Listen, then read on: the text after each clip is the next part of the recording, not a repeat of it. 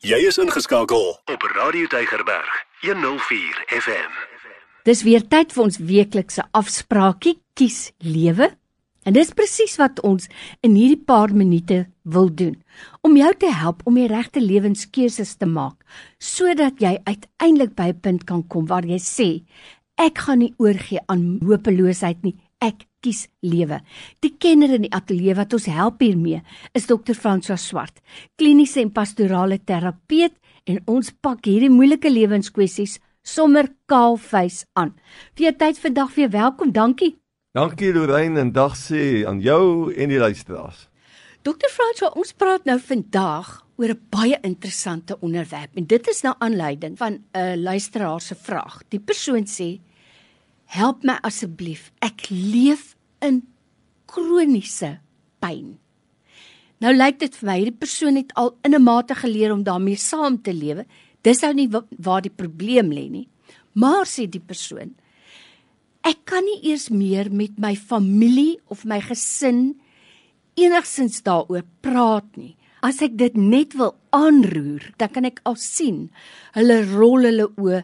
Hulle is al moeg daarvan. Maar nou sê die persoon, maar ek moet met hierdie pyn saamlewe. Gee my raad, hoe doen ek dit? Dis 'n is 'n mondvol.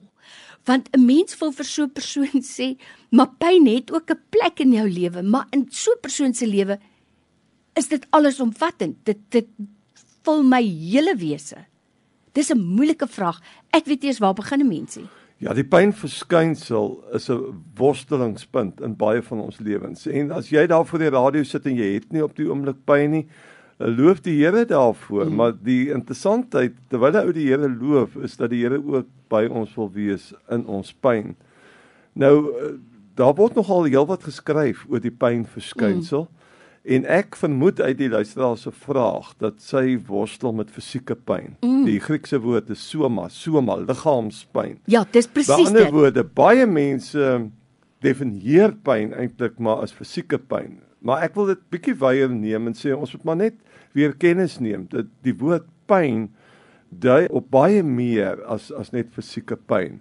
Die feit dat haar mense al hulle oorrol getuig ook van 'n soort van pyn van hulle kant af. Mm. En hulle is ongeduldig of hulle weet nie meer wat om vir haar te antwoord nie. Jy kry geestelike pyn as jy God verlate voel. Jy kry maatskaplike pyn as jy nie weet waar jou volgende bord kos vandaan mm. kom nie. Jy kry geestespyn as jy na 'n kind verlang wat miskien skielik dood is, 'n geliefde. Daar's baie tipes pyne. Maar om terug te kom na hierdie persoon wat fisieke pyntoestand het, dit is baie belangrik dat sy seker maak en dit kan vra dat sy dalk vir 'n tweede of 'n derde opinie na 'n mediese praktisyn toe moet gaan. Mm. Sy gaan na haar normale mediese praktisyn, maar die mediese mense is is baie daarvoor dat jy jy kan gerus 'n tweede of 'n derde mm. opinie kry. Mm. Dis sy moet seker maak dat sy baie raad ingewin het rondom haar siekte toestand want ek dink die hele mediese wetenskap is ingestel daarin om pyn te verlig. Die mediese wêreld saam met die geloofswêreld, hulle is twee vennote om vir ons nuwe brille te gee in terme van die ongemak van hierdie wêreld. En daarom ek dink dis baie uitsonderlik dat daar niks vir haar gedoen kan word nie want wat die dokters maar doen is spierverslappers wat hulle vir jou gee, Voltaren, Betadine inspuitings, inflammatoriese goed om die spiere te verslap, om die senuweestelsels te verlam.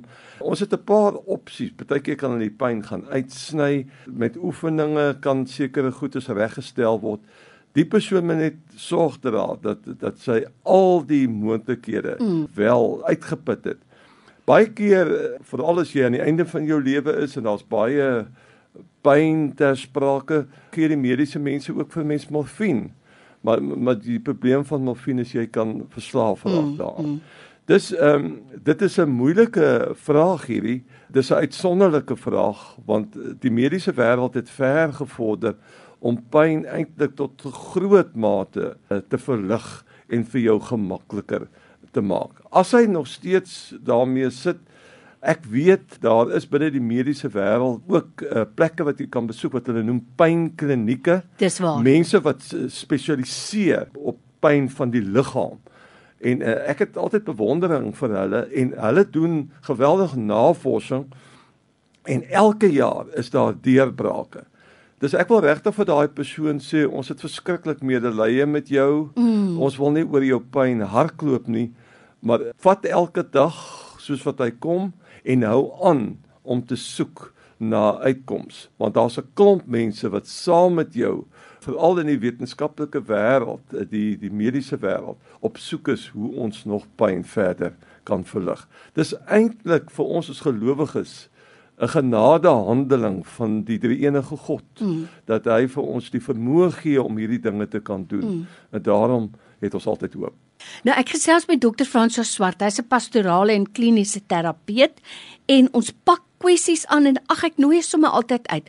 As jy 'n vraag het, stuur vir my net 'n WhatsApp met die woorde kies lewe en dan met tyd sal ons ook daarby uitkom want dit is juist die idee van hierdie program om vir jou hulpmiddels te gee sodat jy die lewe met 'n lied in jou hart kan tegemoet gaan. Dokter Francois pyn het ook 'n plek in die wetenskap. Ek lees 'n boek van Philip Yancey waar hy sê van melaatse mense wat sê dank die Here dat jy nog kan pyn voel, want omdat ek nie kan pyn voel nie, stamp ek my voet, sny ek my hande, verbrand ek my hande, daar kom infeksies en ek verloor ledemate, want ek kan nie pyn voel nie. So mens kan dit amper nie dink nie dat pyn vir jou bron van dankbaarheid kan wees ook. So, hoe moet ons geestelik daarna kyk dat pyn nie vir my net 'n vonnis is nie? Dis 'n goeie vraag. Ek dink 'n pyn daar is misterie aan. Ons kan nie alles verklaar daaroor nie. Ons moet dit sê. Die hoekom vraag binne die pastorale teologie praat ons van die teodisee wat gewone mense gewoonlik sê waarom Here mm. hoekom mm. Here wat ons graag dan wil ombuig in 'n gesprek waar ons sê goed vra waarom Here, maar jy kan ook daai vraag vervang met waartoe? Waartoe mm. wil U my uh, bring met hierdie stuk ongemak? En dat 'n mens ook die evangelie verstaan dat die Here se hart pyn vir die baie pyn wat sonde mm. en verkeerde keuses miskien in hierdie wêreld gebring het. En gelukkig leer ons in die Bybel, hy stap nie weg van ons nie, hy gee vir ons 'n verstand.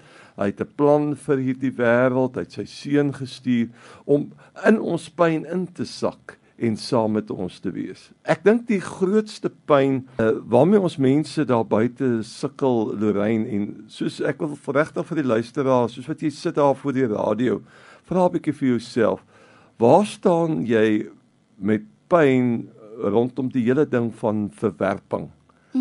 Uh Wanneer jy verwerping in jou familie ervaar, verwerping by jou werk, verwerping in jou gemeenskap. Dis 'n ander soort pyn. Mm. Dit is nie fisieke pyn nie. Jy voel God het my ook verwerp. Hy weet nie meer van my nie. En jy vra wat is die geestelike pad? Die geestelike pad is om aan te hou terug te vlug na die woord toe. Want in die woord kry jy telkens gelowiges wat al die pad van pyn geloop het. Psalm 71, Psalm 73, die hele Job uh, verhaal in die Bybel, Jesus self in Getsemane en elke keer wys hulle vir ons. Selfs Paulus, as jy in Filippense 2 gaan lees, waartoe hy gegaan het. Paulus het met sy pyn was hy 'n formidable sendeling. En dit is die ding. Ons het lyk like met die resilience as mense, as God se kinders om te midde van pyn en ongemak nog steeds te triomfeer.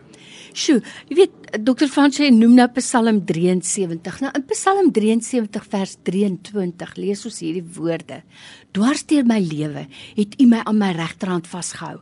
Met ander woorde, deur daai waterstrome, deur daai vuur, God is daar. En dan sê hy: En aan die einde sal U my in heerlikheid opneem. Net die gedagte om te dink dat God nie net my hele lewe lank by my is nie, maar aan die einde is hy die een wat my opneem in heerlikheid. Amper te groot vir my om te verstaan en dit kom terug by presies wat jy nou gesê het. Fokus op die belangrike dinge. Sjoe. Ook met pyn en goed wat jy nie altyd kan verstaan nie. Dokter Frans, ek weet ons het van tevore al gepraat daaroor en ek sê sommer vir ons luisteraars ook, gaan loer gerus op die webtuiste myhelp.co.za en dan gaan jy sommer van ons programme ook kry. Ai vir jou tyd vandag, Dokter Frans, dankie, ons waardeer dit. Dankie Lorraine en groetnis aan al die luisteraars. Elke dag jou nommer 1 keuse. Radio Deugerberg 104 FM.